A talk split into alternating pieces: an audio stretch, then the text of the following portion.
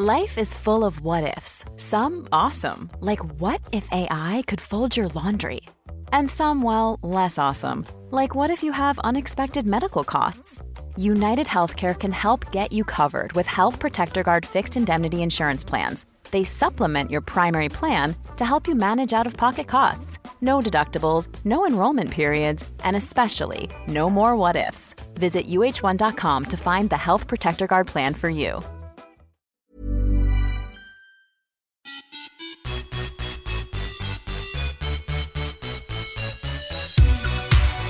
Hej och välkomna till ett somligt avsnitt av Vissa Svärm on the run.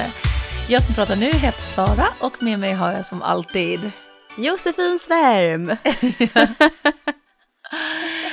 och vi är inne i slutet av juni. Vi har haft midsommar och otroligt sommarväder. Alltså den här veckan har ju varit upp mot 30 grader hela veckan.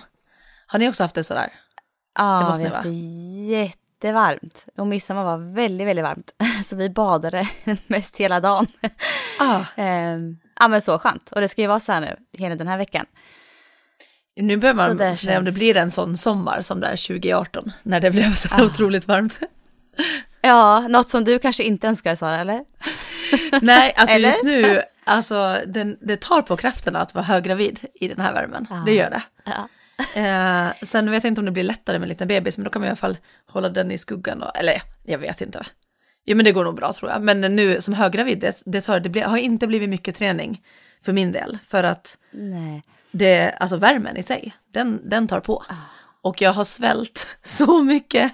Och jag tror att det också har med värmen att göra. Vi har så här ett, vi skrattar, alltså nu är det inte bara på kvällarna med mina fötter. Men för nu är det, mina fötter är så här att man kan trycka in en tumme uppe på foten och trycka och sen släppa och så sitter det kvar ungefär två minuter.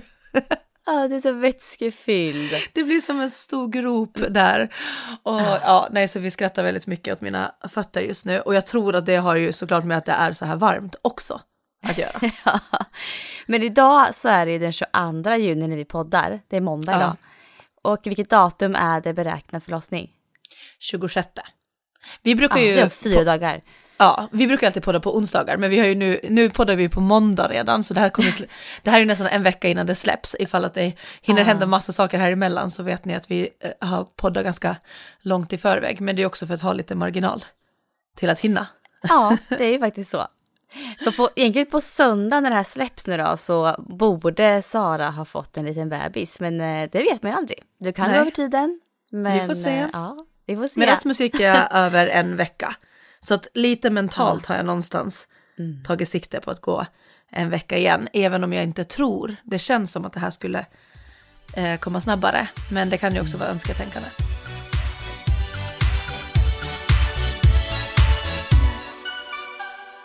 Men idag Sara så ska vi komma in lite på, för vi bad om att få lite lyssnarfrågor Ja. till oss ehm, på Instagram. Och vi hade ju fått två stycken frågor innan det här också. Som vi ville Ja. ta upp. Så de kommer vi börja med att besvara. Eh, och sen kommer vi ta några av dem vi fick igår. Så kan vi säga, eller hur?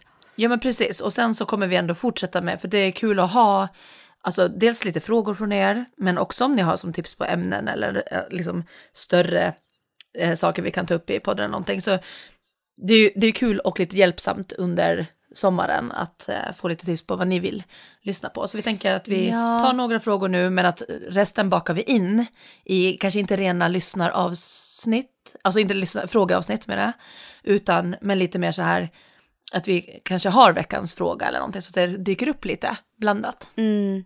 För några frågor rörde lite varandra och var lite lika eller var inom samma ämne. Och då kan vi ta upp det lite under ett avsnitt där vi pratar mycket om just det. Ja, Så till exempel så var det lite, lite frågor om intervallträning och så här våra favoritpass och sådana grejer. Där kommer vi ta lite mer, kanske nästa avsnitt eller något avsnitt framöver här, vi pratar ännu mer, kanske går in lite mer på hur man ska eh, löpträna för att få effektiv löpträningstid egentligen, skulle jag vilja Ja. säga. Men det kommer komma. yes. Men ska vi börja med den första frågan? Ja, jag kan läsa upp den. Det, Ja, vad bra. eh, vi har varit inne och nosat på det lite tidigare. Ehm, Mm. Men jag tänker att det är alltid bra att repetera och att det är alltid lite olika beroende på vem som ställer frågan ändå. Så, Ja, men vi har fått ett, en fråga från en tjej som heter Fanny och hon skrev så här. Hej, jag har en fråga som ni kanske hade velat ta upp i podden någon gång, eller, eller här på Insta. Eh, jag springer cirka 15 till 25 kilometer i veckan beroende på livet och har alltid haft problem med håll. Haft det så länge jag kan minnas. Vissa dagar är det okej och vissa dagar måste jag avbryta för att jag får svårt att andas. Eller rättare sagt så gör det väldigt ont i inandningen. Har ni erfarenheter av det här? Eh, jag upplever att en ordentlig uppvärmning och hyfsat tom mage gör det bättre. Men vissa dagar känns det som att inget hjälper. Försöker lägga upp maten så att jag äter minst tre timmar innan eh, ett springpass. Eh, älskar er podd. Ni är pepp... Ni peppar mig så mycket. Stor kram. Så har hon skrivit. Ja, och vi var ju någon gång in på håll. Det här var ju inte riktigt ändå så här, för oftast är det ju kanske nybörjare som har skrivit då om håll och när det släpper och sånt. Men den här tjejen är ju Mm. inte en nybörjare skulle jag säga. Absolut inte. det, det låter som att hon har sprungit på ganska mycket i livet tycker jag ändå när hon, skriver så här. Mm. Eh, och hon har haft håll så länge hon kan minnas. Ja, Så det här är ett problem som hon har haft länge. och springer 15 till 25 i veckan. Då är man ju ändå, då Ah. springer man ju regelbundet och liksom lite längre rundor ändå. Ja, precis. Hur tänker Alltså den här du? frågan är ju, den är svår för att det finns inte jättebra studier på just håll och varför man får det för. Ehm, och vi är inga, inga, experter i ämnet egentligen, men jag har, jag har själv haft problem med håll. Jag hade väldigt mycket när jag var liten. Och jag fick avbryta många sådana tävlingar och så på grund av att jag fick håll. Ehm, och för mig då så tror jag att det var någon slags anspänning i min kropp. Eh, kanske stresspåslag eller liknande som gjorde att jag fick det. Eh, Det kan vara nervositet, så att jag blir stressad eh, eller vad som helst. Det tror jag kan ha varit min orsak just då när jag var yngre. Eh, men sen så faktiskt sista månaden här så har jag faktiskt haft hållet ibland och det brukar jag aldrig ha när jag springer. Och då vet inte jag om det kan ha nu fick jag upp en tanke att det kanske kan ha med vätskebrist att göra, värmen, att det gör det värre för mig, möjligtvis, kanske även för henne.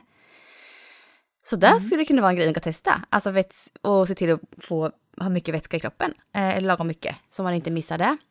Eh, men det jag tänkte på då, sist jag fick håll, det var att då sprang jag mitt på dagen och jag hade kanske ätit tre timmar innan. Och, och jag vet själv med mig att jag kan typ inte äta tre timmar innan jag springer för att det, det hjälper inte för mig. Jag, jag måste nästan, det måste nästan gå längre tid. I alla fall om jag äter en, en vanlig måltid. Um, jag kan äta kanske någon banan och, eller gröt eller någonting tre timmar innan, men jag kan inte äta en vanlig, oftast inte en vanlig måltid med pasta och lite tyngre mat. Det, för mig blir det för mycket. Jag har ju problem med magen, med löparmage och allt möjligt. Och jag får också lätt håll om jag gör så. Så ja, om hon inte har provat att springa på helt tom mage, alltså på morgonen innan hon äter frukost, så kan hon testa det tycker jag. För det är någonting, många tänker att hur ska jag ha energi då till att springa? Men jag har ju sprungit morgonlöpning så länge jag nästan kan minnas nu, eh, utan att äta någonting innan. Ibland tar jag en halv banan kanske, en halvtimme innan, och det funkar faktiskt. Så banan lite grann kan man stoppa i sig, men inte mer än så. Och sen helt enkelt springa på den energin man har från dagen innan. Mm. Och alltså för mig så funkar det här alltid. Jag har aldrig fått håll på morgonen när jag inte har ätit frukost. Så det är någonting som man kan testa i alla fall, om det hjälper. Ja, jag tror också det, nästan att just det som du säger, skjuta på och kolla. För att det är ju ändå många som upplever det där med att man absolut inte kan äta nära på. Så det verkar ju ha någon Mm. form av. Sen om det, att det är maten i sig eller om det är att man kanske rör sig lite annorlunda när man har mat i magen eller alltså vad det, Mm. vad det är liksom. Eh, och med dryck som du sa också, det kanske på morgonen där också att om man inte äter någonting, man kanske tar någon form av lite energidryck istället. Eller någonting Ah. sånt som man får. Och nu kan man testa, jag tänker på Resorb, vi var inne på det här förra avsnittet. Eh, med Resorb kan man ju passa på att börja dricka lite på morgnarna här nu och kvällarna med kanske. Så man verkligen ser till att man har vätska i kroppen. Det, det tror faktiskt jag skulle kunna vara en grej som kan hjälpa lite grann mot håll. Jag tänker efter nu. Vad säger du Sara? Har du Ja, någonting? Jag... jag- vet att vi pratade om någon teknik sist vi tog upp där i podden. Ja, för jag har lite den, alltså dels det här just med kosten och det. Eh, sen brukar jag liksom också liksom vilja se över det här med avslappnad överkropp och alltså att man, eller man använder musklerna och hållningen på rätt sätt. För du ska ju ha en anspänning, det här vi säger ofta så här stark bål och så här när du springer. Men det gäller ju att det inte heller får gå ut över andningen eller hållningen, att det liksom blir krampartat. För jag tänker att håll, man vet ju inte exakt vad det kommer, men man tror ju ändå att det kan vara liksom så här just vid muskler, vid diafragman eller revbensfästen och sådär som, som blir någon form av kanske så här syrebrist eller Ja, att det skulle precis. kunna vara det. Och det jag har upplevt, det här är ju framförallt då med nybörjare som ofta lever, eh, upplever att de får håll snabbt, eh, så har det blivit bättre när vi har jobbat med avslappnad eh, teknik och verkligen känna att axlarna kommer ner, skulderbladen är sänkta, men att man ändå håller en liksom upprätt bål. Så det gäller att man minimerar också de här rörelserna och framförallt rotationerna. Så när man springer så vill man inte ha liksom att, att hela bröstkorgen roterar sida till sida. Om man tänker sig att axlarna skulle gå fram eh, i en i taget. Förstår ni vad jag menar? Att, jag, att man inte vill att axlarna liksom eh, eh, åker fram och tillbaka. Eh, så att man får en rotation på överkroppen. Utan att man vill försöka hålla hela bålen, hela överkroppen så stilla som möjligt men utan att spänna sig. Så man vill inte så här spänna den stilla, utan verkligen träna på att hitta det här läget att jag bara förlänger överkroppen, gör den lång, men kan slappna av i armar, axlar så att de verkligen får hitta en lugn pendling. För de ska ju, armarna åker ju fram och tillbaka, men att de inte drar med sig axlar och framförallt inte bröstkorgen. Så det kan ju vara lite så här att även om man har sprungit mycket så som du sa också att du upplevde att du fick mer håll på till exempel på tävling. Och det tror jag inte att, jag tror inte att din teknik ändrades på tävling, men din andning kanske ändrades av nervositet. Eller allmän, ditt allmän tillstånd var ändrat för att du hade en annan känsla i kroppen. Du var lite nervös, du var lite spänd, du var lite så och då tror jag att det här också påverkar just den här eh, avslappningen som man vill ha. Mm. Så jag skulle nog kanske ändå försöka titta över lite hur överkroppen ser ut när man springer, hur den ser ut när man börjar bli trött, hur den ser ut när man börjar få håll. Eh, ibland när man springer inne på gym, på löpan, där är det ju på vissa ställen så att det finns spegel eller någonting framför. Och det kan ju faktiskt vara lite bra att titta på. Att hur ser det ut rakt framifrån med spegel? Eh, när jag springer och börjar bli trött också. Börjar jag liksom vrida mig mer? Eller hur ser det ut? Ja. Så vet inte jag hur den här tjejen tränar, om de springer lugn jogg, alltså hur, hur träningspassen ser ut. Men det kan ju vara så här en grej att bara om hon skulle börja jobba mer på tekniken, på effektiviteten, på lite kanske snabbare pass, försöka få in sånt mer så kanske hon kan få en bättre hållning och bättre teknik på sikt. Och det kanske kan leda till att hon under distansrundorna inte får det här problemet längre. Mm. Alltså rent generellt bara träna mer, lite mer snabba pass ibland så man får mer bättre löpekonomi och bättre teknik. Möjligtvis om det kan hjälpa. Ja. Ja, och sen tänker jag också, om man, om man inte blir av med det, och jag menar, för hon, hon vill ju uppenbarligen fortsätta springa och träna och liksom tycker om den typen av träningsform, eh, då hade jag faktiskt också gått till någon att kolla på tekniken, men också kanske kolla med en, jag tänker till exempel, när, vi har ju pratat eh, en del om eh, kiropraktor och RUD, som både du och jag har gått till tidigare. Ja. Och jag tror att en, en person som är duktig naprapat eller kiropraktor någonting kan också se lite hur man, eh, hur man andas. För jag tror det är väldigt vanligt, det här är inte bland alla som tränar utan bland alla, att man andas väldigt högt upp i bröstet. Och att man inte tar liksom nytta av liksom hur hela bålens funktion med att andas, att man verkligen andas in och fyller magen och det här också så att man inte, man, man kanske inte andas på rätt sätt alltid. Nej, Och det tror jag här- också skulle kunna påverka håll Ja. och den biten. Absolut. Den här frågan har en annan tjej skrivit in tidigare vet jag till mig eh, om just det här med andningen. För hon får liksom lite panik när hon andas och då känner jag att då kanske hon andas också för långt upp i bröstet och inte ner i magen. Och det tror jag många kanske har problem med. Så att eh, jag tror absolut att eh, det skulle kunna hjälpa och få hjälp med den biten. Och som du säger, en sån person som kan mycket om kroppen. Det kanske, det kanske är ännu mer en sån som går till istället för en PT.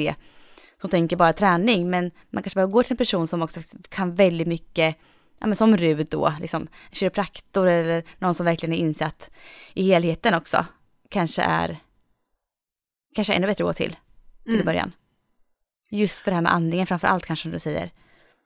Och sen tänkte jag det hon själv var inne på, eh, det här med att, det, att hon tyckte att det funkar bättre också om hon stegrar, alltså gör en lång uppvärmning. Och det tror jag att ja. det är, är, jätteviktigt om man har problem med mm. håll eller det, att man verkligen tänker mm. både lång uppvärmning men också att man stegrar intensiteten under uppvärmningen. Så ska man bara springa kanske ett långdistanspass, men då ändå ta kanske en lite där man kanske börjar gå lätt eller joggar väldigt lugnt innan man tänker att man ska börja jogga som vanligt.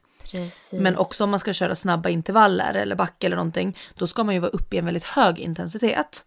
Och då tror jag att det är bra att på uppvärmningen redan ändå så här inte stressa, utan ta fortfarande den här lugna eh, uppvärmningen till en början med och sen kanske ändå sätta in lite löpskolning, kanske någon så här stegringslopp där man verkligen får upp intensiteten kanske högre än vad den kommer att mm. vara sen på själva intervallerna. För att liksom göra det lite i lugn och ro och sen pausa lite, gör lite rörlighet och sen dra igång. För då har man också liksom successivt eh, ökat på eh, liksom både uppvärmningen men också själva intensiteten så att den inte mitt i allt sen bara är på det ja, högsta. Så man liksom inte, nej men man inte chockar kroppen på något sätt. Och nej, det här, så... jag tror att man får lättare syrebrist då också om man liksom inte är uppvärmd. Så jag tror att just att göra lite så här typ stegringslopp, just där när man ökar, mm. det kan ju vara som allt mellan 60 till 120 meter, men där man liksom ökar och är nästan uppe i maxfart på slutet och sen går man lugnt tillbaka. Det är ju ett väldigt bra sätt att verkligen komma upp i hög intensitet, men bara för en liten kort stund. Ja. Eh, så det tror jag. Och sen, det här minns jag att du var inne på också sist vi pratade om det, att ibland så kan man kanske spänna sig när man börjar känna att nu är hållen på väg och så blir man lite stressad och lite så här besviken. Nej, nu kommer den. Och mm. att då liksom verkligen att eh, sänka tempo och bara okej, okay, nu får jag jogga jättelångsamt, jag kanske får gå, jag kanske till och med ska stanna eller kanske lägga mig ner en stund. Och känna mm. liksom att man hela, hela tiden liksom inte blir i, negativ så här, tanke kring hållen, för då tror jag att det också blir värre mentalt, Nej, för att man börjar känna så här, ja. stress över att nu kommer det. Ja, det vet jag, för jag, jag hade ju håll sagt, haft ganska mycket håll sista månaden, som vi inte brukar ha. Och ett av de passen så kände jag så här, att jag blev av med det ganska lätt. Och det var via andningen. Mm. Att jag liksom andades djupt, jag, fick, jag tog emot smärtan liksom, jag andades in smärtan ändå.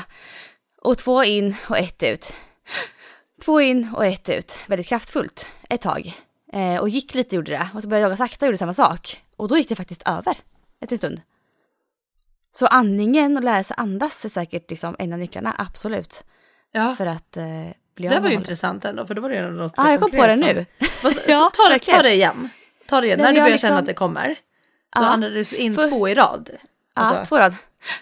Så det var väldigt djup andning. Jag kom verkligen långt ja. ner med andningen. Två rad och sen ett ut. Ett djupt ut. Och sen två in och ett ut. Två in och ett ut. Och då så gick jag lite först och så jag började jogga så jag gjorde samma sak. Och sen så släppte det liksom efter en stund. Och då kunde jag springa på vidare. Och det måste ju ha med det här andningen, att man liksom får ner den verkligen ordentligt i lungorna och, och ner i magen. Ja, men det låter ju verkligen, verkligen ja. Ja, vi hoppas, hoppas att, ju att du verkligen ja. Eh, ja, kommer bli av med det här på sikt. Och även andra som har sam, samma problem. För det finns ju säkert ett gäng där ute som har just problem med att få håll ofta. Ja, det är så irriterande. Det är liksom så här, håll ja. och skoskav. Det känns som så här onödiga ja, men... saker som verkligen sätter stopp.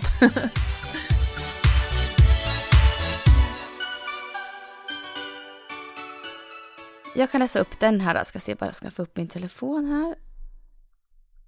Eh, jag hade den framför mig här nyss. Här, nu. Eh, hej! Först vill jag bara säga att jag älskar er podd. Ni är bäst. Men till min fråga. Jag undrar om ni har tips på mental träning och hur man kan pressa sig själv till att springa fortare. Jag tycker det är enkelt att höja hastigheten på löpandet och orka springa fort och länge. Men när jag springer utomhus så hittar jag inte den mentala styrkan att springa lika fort och pressa upp farten i intervallerna. Känner mig bara så besviken på mig själv efteråt. Men ni, kanske men ni kanske har pratat om det här i ett gammalt avsnitt och jag har missat det? Frågetecken. Ja, vi kan ju börja med att säga att vi pratar om mental träning i avsnitt 20. Mm. Om man vill lyssna lite mer på precis. det. Men inte liksom specifikt den här frågan, men lite Nej. hur man pushar sig själv. Det pratar vi lite om. Ja, Ja. Eh, Men det här var, tycker jag var lite Ehm, intressant. Ja, men det var intressant. Ehm, jag tänker att jag förstår att det kan vara lättare att pressa sig själv på löpandet. För där ställer du in en, liksom en eh, hastighet som du bara får följa. Eh, så det blir lättare. Mm. Och eh, pressen på att man själv ska liksom styra upp det här försvinner.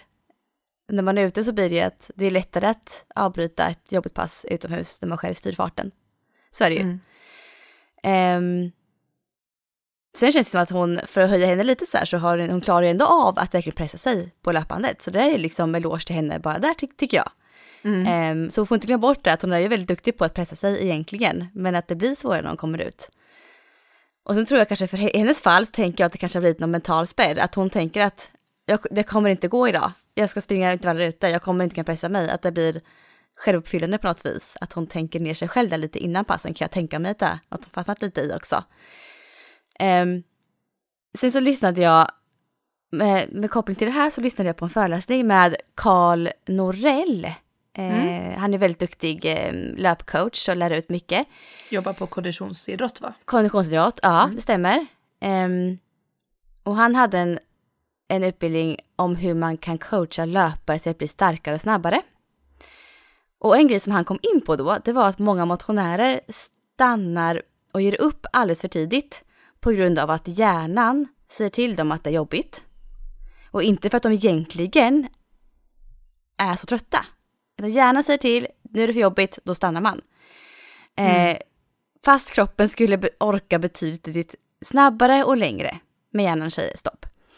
Eh, och då kom han in på den här frågeställningen. Hur kan man få hjärnan att projicera mindre ansträngning? Hur kan man lura hjärnan då lite? Mm. Och då sa han exempel är genom att börja le. För att om man börjar le när man springer, då blir man ju glad och man får en styrka inombords. Så att le är ju en grej man kan tänka så här, testa liksom.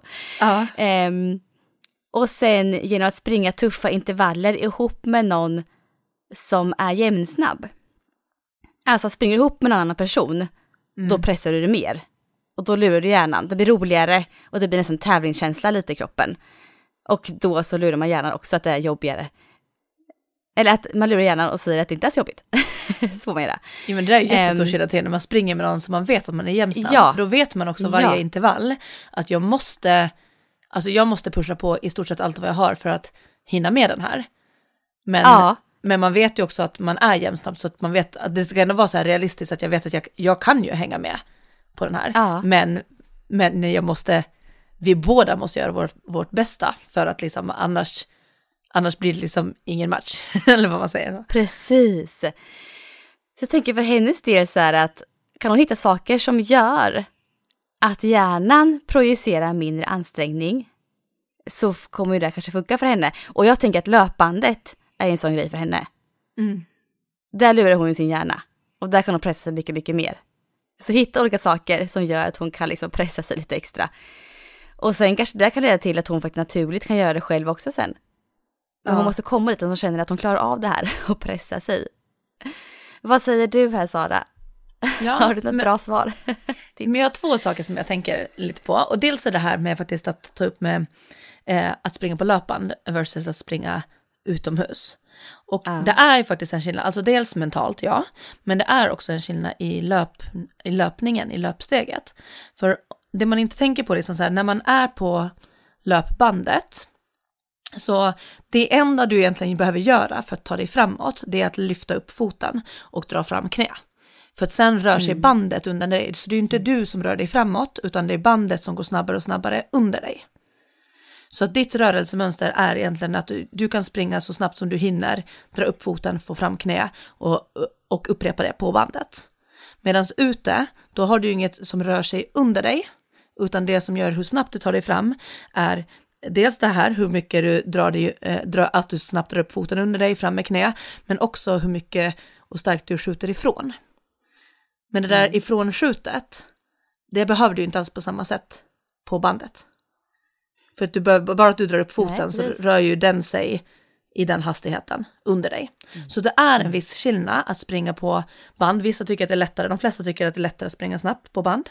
Eh, men det är också för att man blir liksom lite av med det momentet som är. Sen det är, jag menar att det är jättebra träning ändå att springa på band, men det är lite annan löpteknik.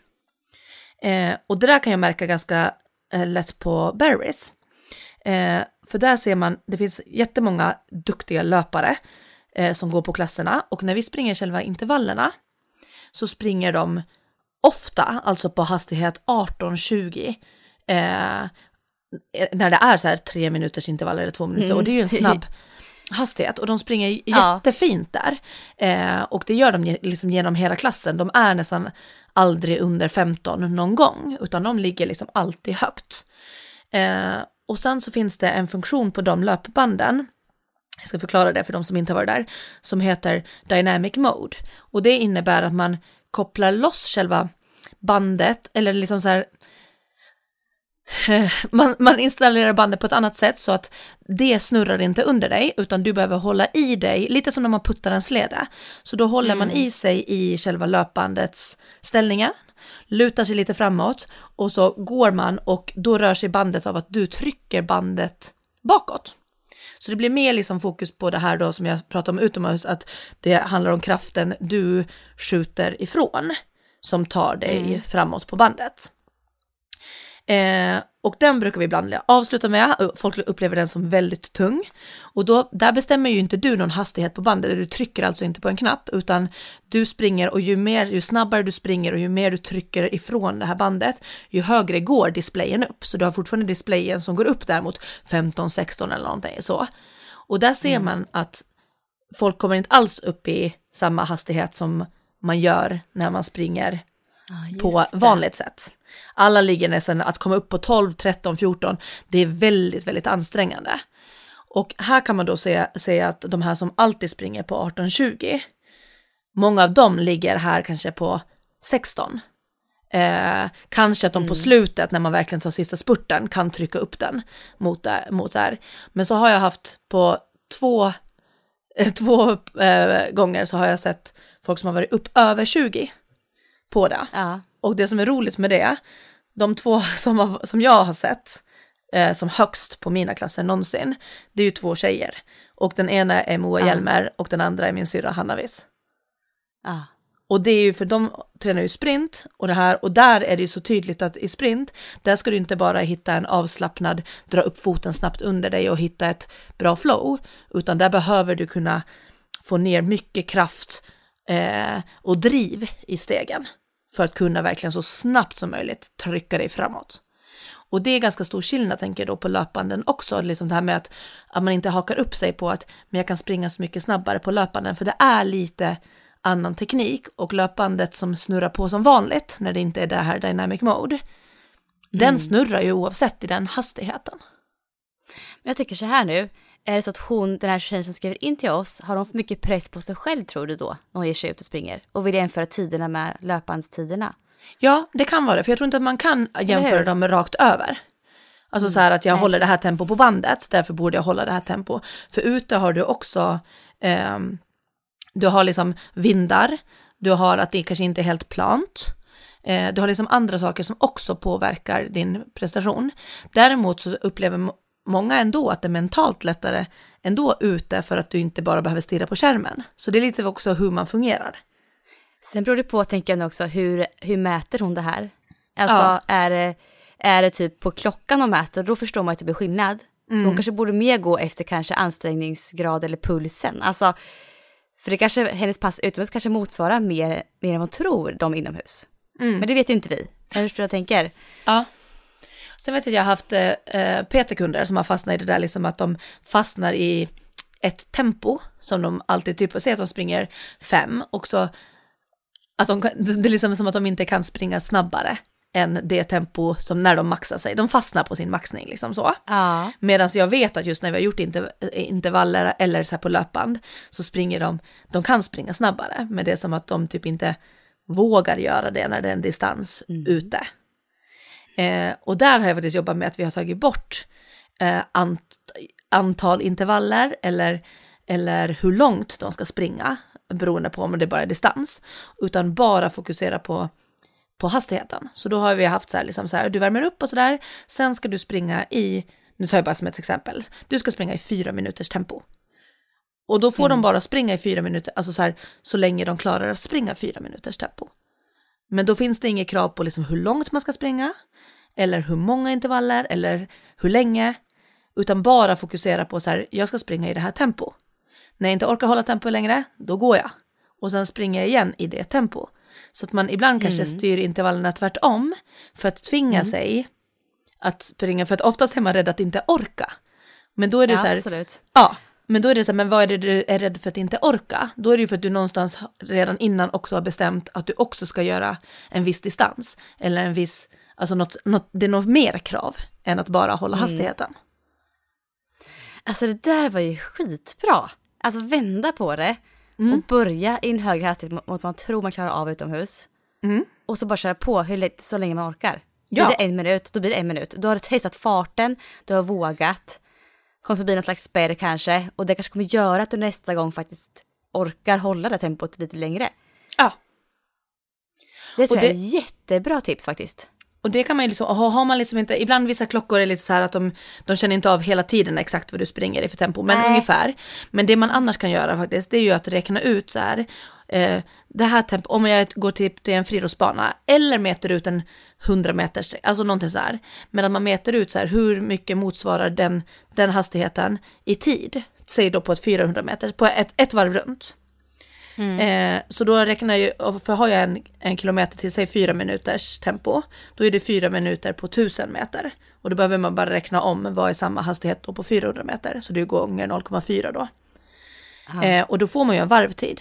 Och då kan man ju säga så här, mm. okej, okay, hur länge orkar jag springa ett varv i den? Orkar jag springa två varv? Och då kan jag checka av på klockan också tidsmässigt att jag ligger rätt till. Men mm. inte sätta någon prestige i det i och med att det handlar ju om för henne att mentalt kunna ligga i ett högre tempo. Så bara strunta ja, i hur långt det blir. Sen kan man ju ändå notera efteråt så här. Ja, nej men jag, jag orkade springa, först sprang jag 600 meter, sen sprang jag 500 meter, sen blev det 400 meter och sådär. Och så kan man ju ändå skriva ner det. Och så kan man ju i så fall försöka slå det, distansen som jag orkade hålla i det tempo, kan man ju i så fall försöka slå nästa gång. Mm. Alltså, det här är så vanligt tycker jag, när jag också haft eh, löpklienter så genom åren, så märker man att det är så många som de underpresterar. De tror sämre om sig själva än vad de alltså, har kapacitet till. Det är jättevanligt.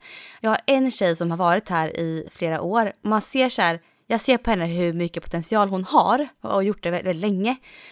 Men hon hamnar i sitt tempo som är lägre än vad hon egentligen kan. Det vet jag och hon har mål och ambitioner. Och förra året så sprang hon ett lopp för första gången under 25 minuter på, fem, på femman. Mm. Och det var, det var långt bättre än vad någonsin gjort innan. Och det här var så här, efter så mycket tjat från mig, från en annan coach till henne och pepp och prat om hur mycket hon kan göra, då presterar hon så jäkla mycket bättre. Men om vi hade gjort det här tidigare kanske med henne, att springa den här farten så långt du orkar, testa farten, testa snabbare fart, då kanske hon hade kommit hit tidigare. Ja. Så jag tror att det är jättebra knep för de personerna som man vet har potential som de inte får ut. Att vända på det. Ja men verkligen, och att just också det här träna på att släppa prestigen på andra plan. För det har ju vi varit inne på med lite, alltså överlag i livet. Man behöver inte alltid göra allting på bästa nivå, eller på, som, som bäst. Eller bara för att jag har gjort det här en gång så behöver jag inte alltid kunna göra det så. Utan faktiskt våga släppa på så här, ja okej, okay, jag brukar springa 5 kilometer i det här tempo, men jag kanske bara springer 2,8 idag, men jag sprang lite snabbare. Alltså och, bara, och inte Precis. jämföra dem mot varandra. Nej, ha bara snabbheten eller farten ja. som mål då. Och släpp det andra. Mm. Ja, det där var ju konkret väldigt bra tips som jag fick skicka med verkligen till henne som skrev här, alltså testa det utomhus. Mm. Och även till andra som kämpar med att det här mentala, för det är väldigt många tror jag som verkligen kämpar mot det mentala. Man ger upp för tidigt och man kanske vill prestera, man har prestationsmål, man vill bli bättre. Då, då kan det här vara jättebra knep att ta till. Ja.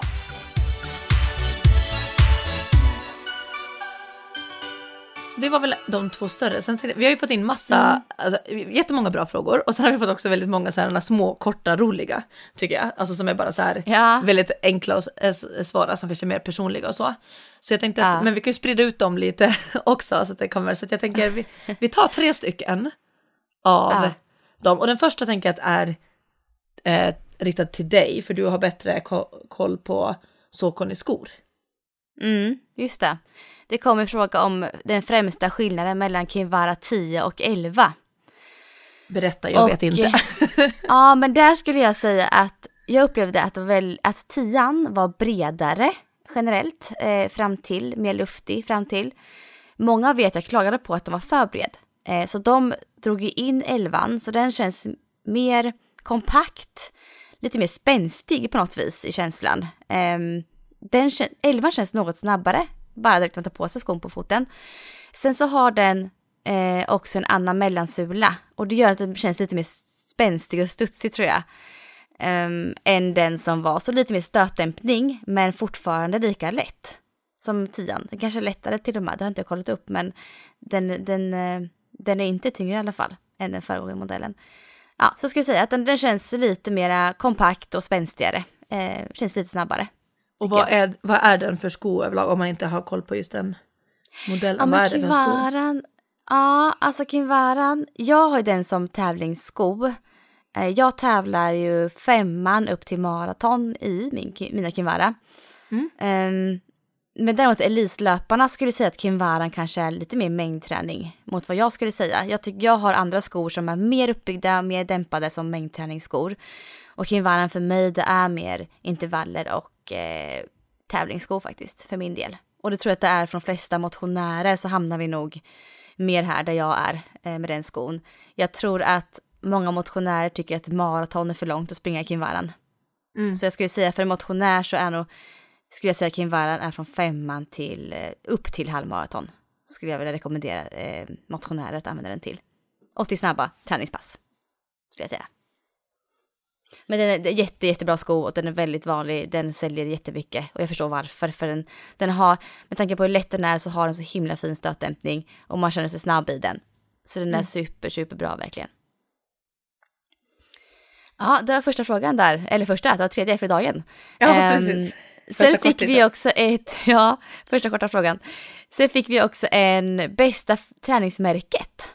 Ska du börja här Sara? Ja, och det var lite svårt alltså, för att eh, jag använder ganska mycket olika. Och som vi har sagt lite förut att vi har ju haft lite lyxen att kunna få testa från olika företag och sådant eh, också. Eh, nu senaste tid har jag eh, använt ganska mycket av Casall som jag tyckte var jätteskönt. Och det är för att de har mycket seamless. Vilket Mm. Är, alltså dels har det varit perfekt under graviditeten, för jag har, det är typ de tightsen jag använder hela tiden. Jag har inte köpt några gravid tights. Utan de här seamless, de de har har ju liksom inga sömmar och de är ju väldigt så här, de följer, de följer med kroppen. Eh, så att nu börjar det vara lite att de halkar ner kanske för att magen börjar vara så stor att de halkar ner. Men jag tror de här kommer också vara jättesköna efteråt. Och jag kan tänka mig att oavsett kroppsform så sitter de väldigt skönt på kroppen. Mm. Eh, och det finns ju, Seamless finns ju i andra eh, märken också, men eh, jag har använt som nu då mycket Casall på här på slutet och det har varit väldigt bra kvalitet. Jag tvättar dem ganska mycket och sådär också och det har hållit jättefint i kvaliteten. Så Casall har klättrat upp lite på min favorit. Sen gillar jag också Lululemon. Känner du till det märket? Ja, det är ett jättefint märke. Ja, ganska dyrt måste jag säga, ganska dyrt Ja. märke. Riktigt Eh, men otroligt skönt. Alltså både materialet, de är väldigt tunna, men absolut aldrig så här, ändå inte så här genomskinliga som vissa blir. Jag hatar ju tights som är så tunna så sen när man ska göra någon marklyft eller knäböj så, så ser man vad man har för trosmodell. Mm. Det är under, inte så kul. Nej. Eh, så att, eh, men de här upplever jag inte genomskinliga fast de känns väldigt tunna. Det känns nästan som bara ett extra hudlager, deras tights. Alltså de är, de är super, super sköna och har också hållit bra i kvaliteten. Och väldigt stilrena skulle jag säga. Både på eh, toppar och på, eh, jag har till och med någon så här ganska cool jacka av dem som är liksom så här, eh, som jag kan ha nästan vanligt också för att den är så lite snyggare. Eh, så de skulle jag också säga ett favorit. Och sen så gillar jag ju... Oh, gud. Alltså, jag gillar. Rebook tycker jag att är duktiga på att uppdatera snabbt och det, hänger, det kommer mycket nytt och snyggt och fina toppar och sådär. Där har jag ibland varit lite besviken på kvaliteten, eh, tycker jag. Uh, mm. Att de inte håller liksom så som jag tycker att, att träningskläder i den prisklassen också ska göra. Uh, Nike har ju haft jättemycket. Uh, och de har också, tycker jag, bra kvalitet, snygga. Där tror jag att det är lite så här att alla inte upplever att de sitter lika bra. Jag tror att de är lite mer nischade mm. mot kanske liksom en viss eh, kroppstyp eller att det är mycket för elitidrottare. Mm. De har kanske mer nischat sig mot funktion och att det ska se så här proffsigt och snyggt ut, men jag kan tänka mig att de inte eh, passar alla, alltid. Mm. Så som jag tycker att många andra märken är duktiga på att liksom få modeller och eh, eh, alltså sånt som känns som att det är skönt för många att träna i. Eller jag vet inte, hur upplever du? Alltså, jag har inte, alltså Nike har inte haft så mycket faktiskt. Eh, fåtal tights jag haft genom åren från Nike som har varit bra på mig tycker jag så. Mm. Eh, sen har jag en hel del favoriter.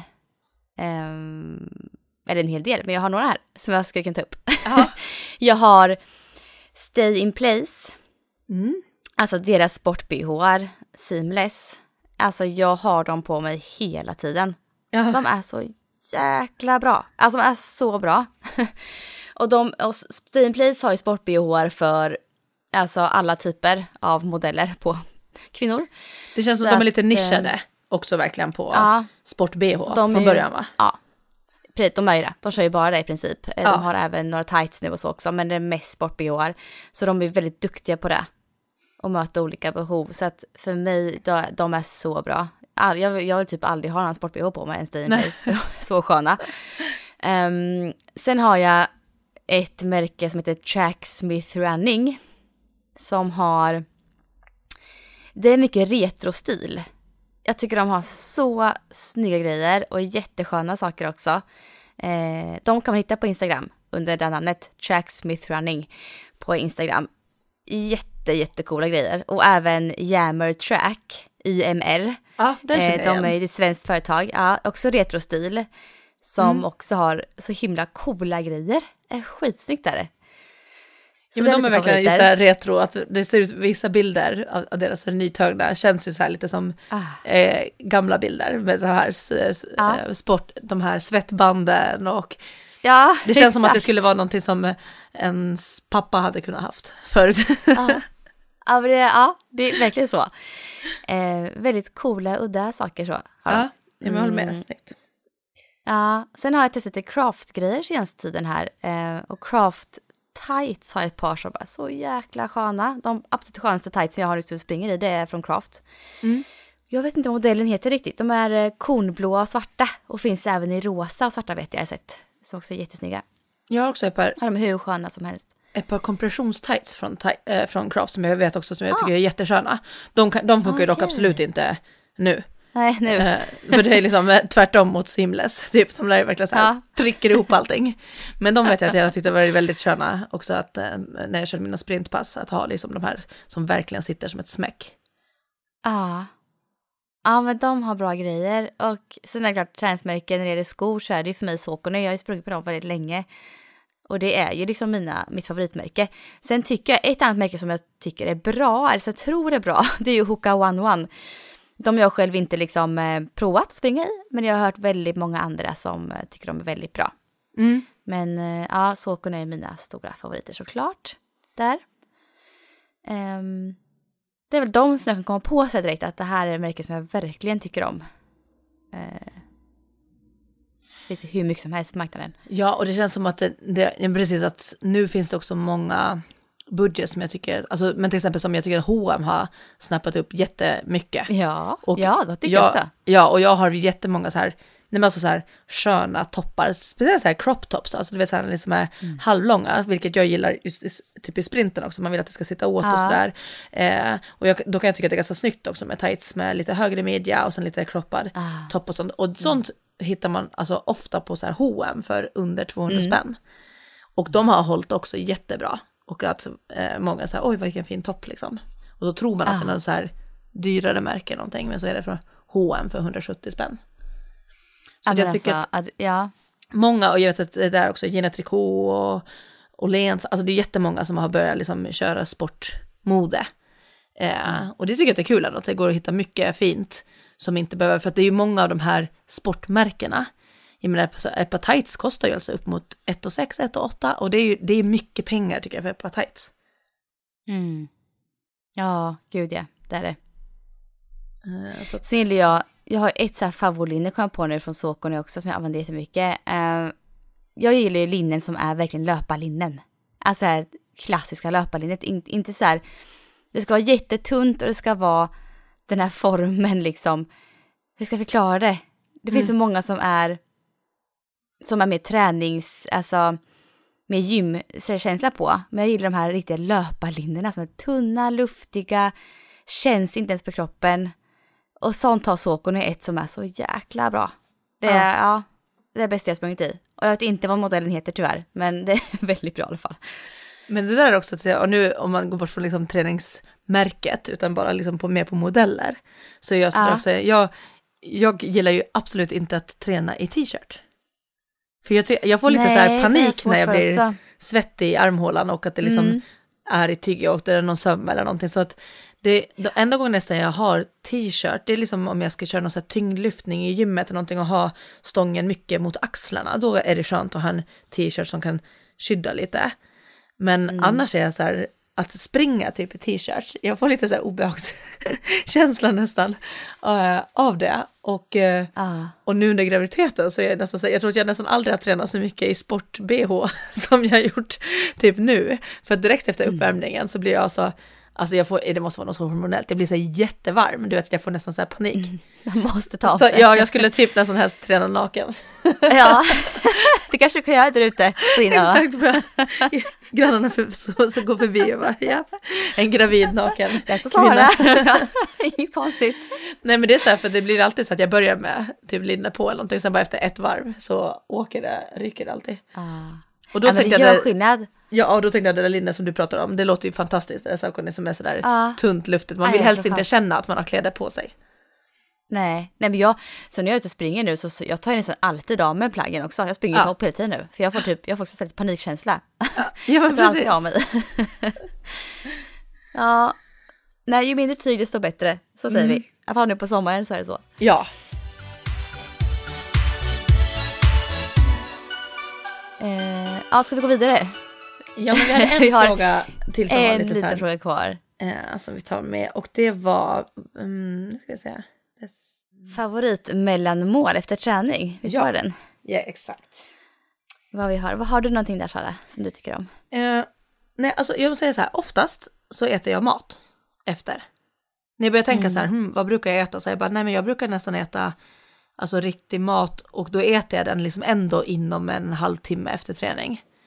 Så att eh, oftast så äter jag bara liksom, ja, huvudmåltid, oftast blir det lunch då nästan som jag äter efter, eh, efter träningen. Men om jag inte är i det läget, utan, eller om det dröjer lite, så oftast så är det då kanske också på språng och då blir det typ någon form av färdig sån här proteindryck brukar jag ta.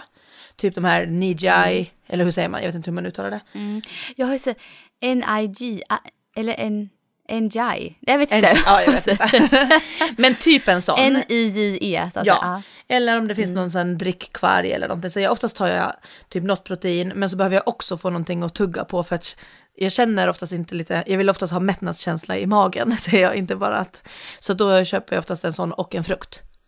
Eller en sån och en macka, en typ en fralla om jag är på Pressbyrå eller någonting så kan jag ta typ en fralla och en drickyoghurt eller en, eller någon sån där proteindryck då. Men sen tar jag oftast någonting att tugga på också för att jag känner oftast att jag måste liksom fylla magen med någonting annat mer än dryck.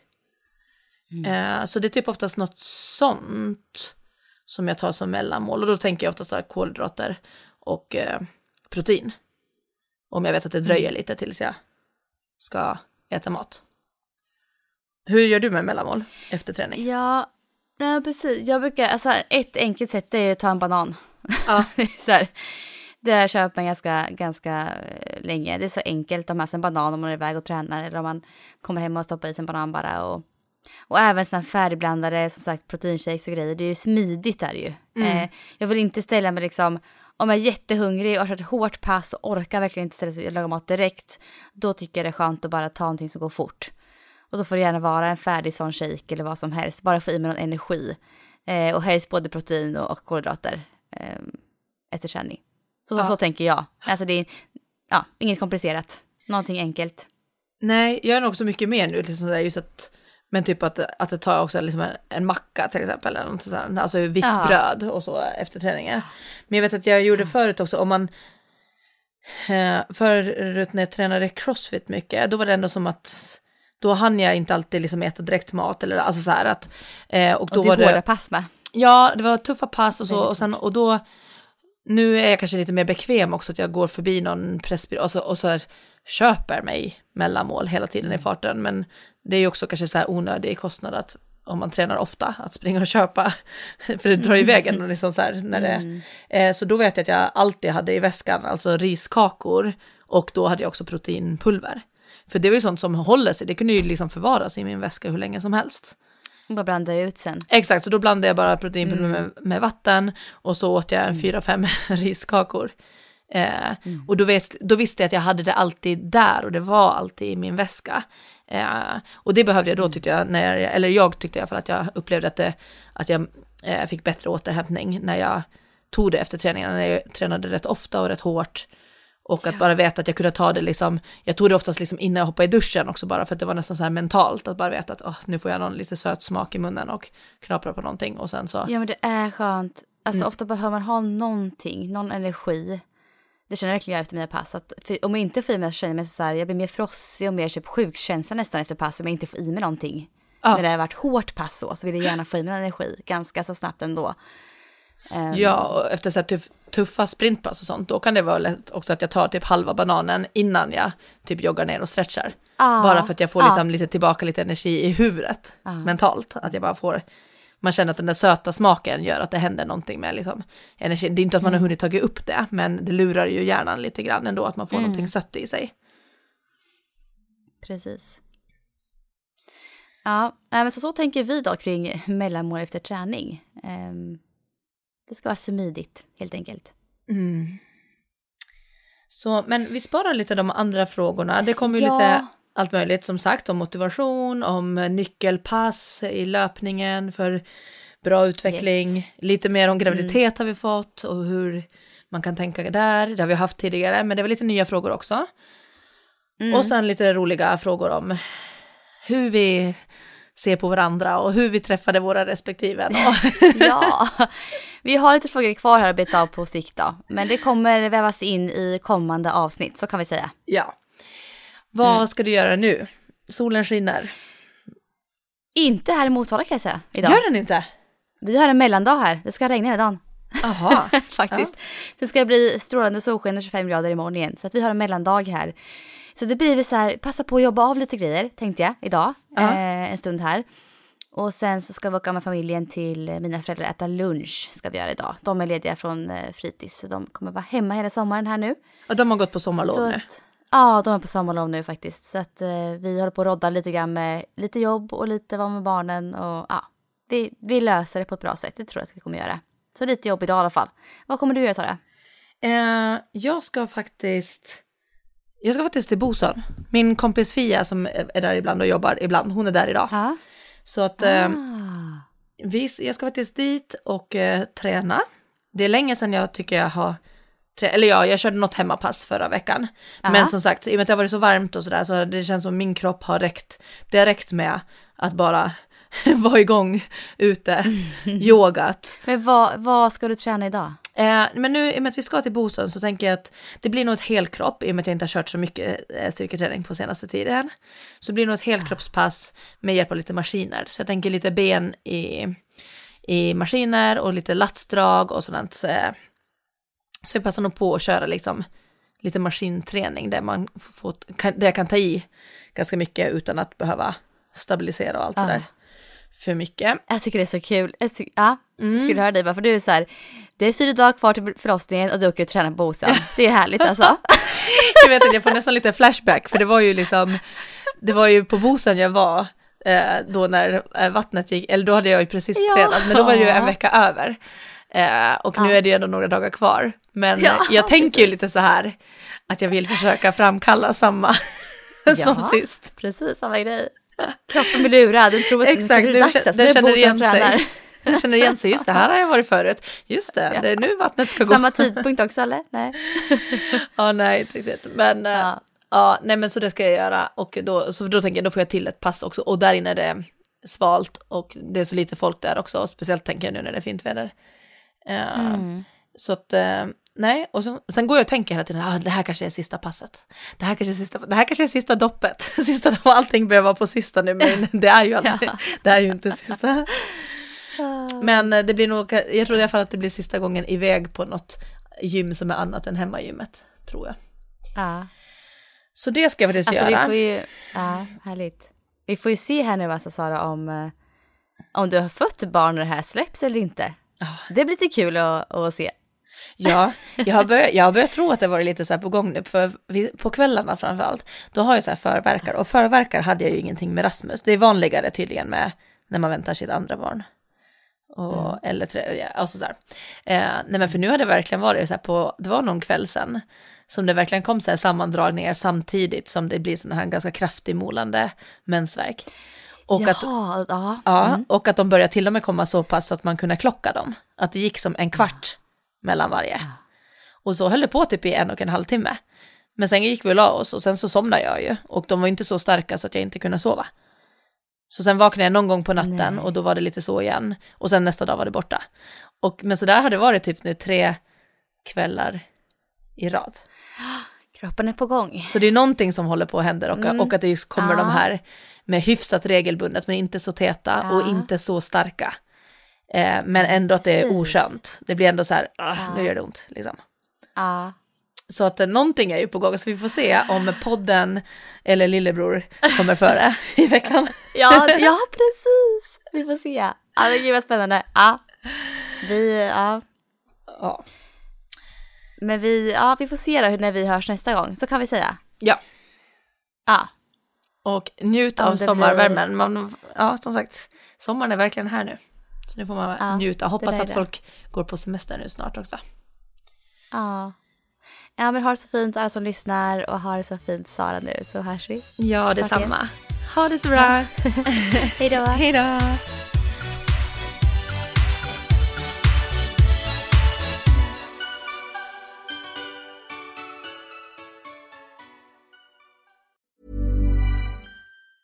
Ever catch yourself eating the same flavorless dinner three days in a row?